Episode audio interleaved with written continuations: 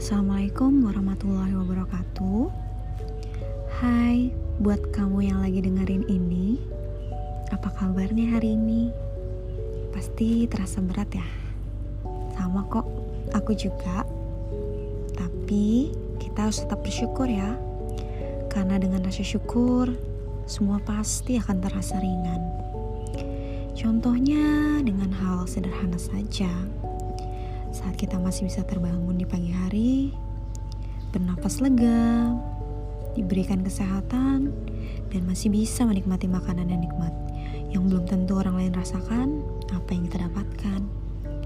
Oleh karenanya, selalu ingat Tuhan ya di mana pun kita berada, karena kita nggak sendiri.